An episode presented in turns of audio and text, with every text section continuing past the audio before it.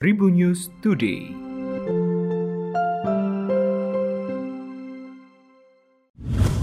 Halo, apa kabar Tribuners? Berjumpa kembali bersama saya Devi Rahma di Tribun News Today. Devi akan berbagi informasi menarik hari ini mulai dari info nasional, regional, selebritis, dan olahraga. Biaya ibadah haji pada tahun 2022 mengalami kenaikan. Kementerian Agama mengusulkan biaya perjalanan ibadah haji yang dibebankan kepada jemaah tahun 2022 sekitar 45 juta rupiah. Menteri Agama Yakut Kolil mengatakan biaya itu mencakup penerbangan, biaya hidup selama di Arab Saudi. Lalu, sebagian biaya akomodasi di Mekah dan Madinah, biaya visa, serta biaya tes PCR. Tahun 2020, besaran biaya haji mencapai 31,45 juta rupiah hingga 38,35 juta rupiah. Sedangkan pada tahun 2021 menjadi 44,3 juta rupiah. Sehingga tahun 2022 ini terjadi kenaikan biaya ibadah haji sekitar 1 juta rupiah. Polisi telah mengamankan pembuat dan pemeran video pornografi sesama jenis di Kabupaten Banjarnegara. Salah satu pemeran dan pembuat video tersebut berinisial J kini meringkuk di sel tahanan Polres Banjarnegara.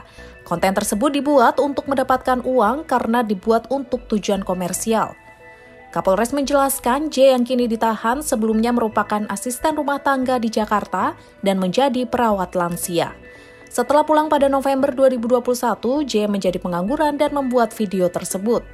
Dari konten tersebut, tersangka mendapatkan uang sebesar 17 juta rupiah. Polisi mengatakan untuk sementara hanya dua orang yang terlibat dalam pembuatan video mesum tersebut. Model majalah dewasa Novi Amelia alias Linda Astuti meninggal dunia. Ia ditemukan tak bernyawa di sebuah apartemen. Novi ditemukan tewas usai lompat dari lantai 8 Tower Rafflesia apartemen Kalibata City pada 16 Februari dini hari. Polisi membeberkan kronologi awal meninggalnya sang model. Berawal dari saksi yang melihat Novi tengah duduk di balkon belakang apartemennya pada pukul 5 waktu Indonesia Barat. Usai azan subuh berkumandang, Novi berniat mengakhiri hidup dengan loncat dari lantai 8 apartemen miliknya. Saat ditemukan, kondisi Novi sudah tidak bernyawa dan terdapat beberapa luka di bagian kepala dan badan. Berdasarkan hasil penyelidikan, polisi menyebut Novi mengakhiri hidupnya karena diduga mengalami depresi.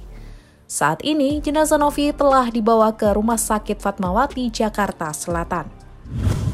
Pebasket Handri Satria Santosa pernah menyatakan pensiun setelah membawa klubnya juara IBL.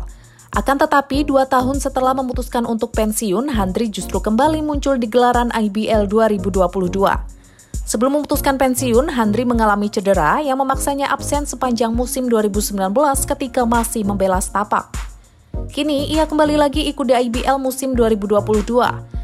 Pebasket Handri Satria Santosa membela tim dari tanah kelahirannya Bali United Basketball.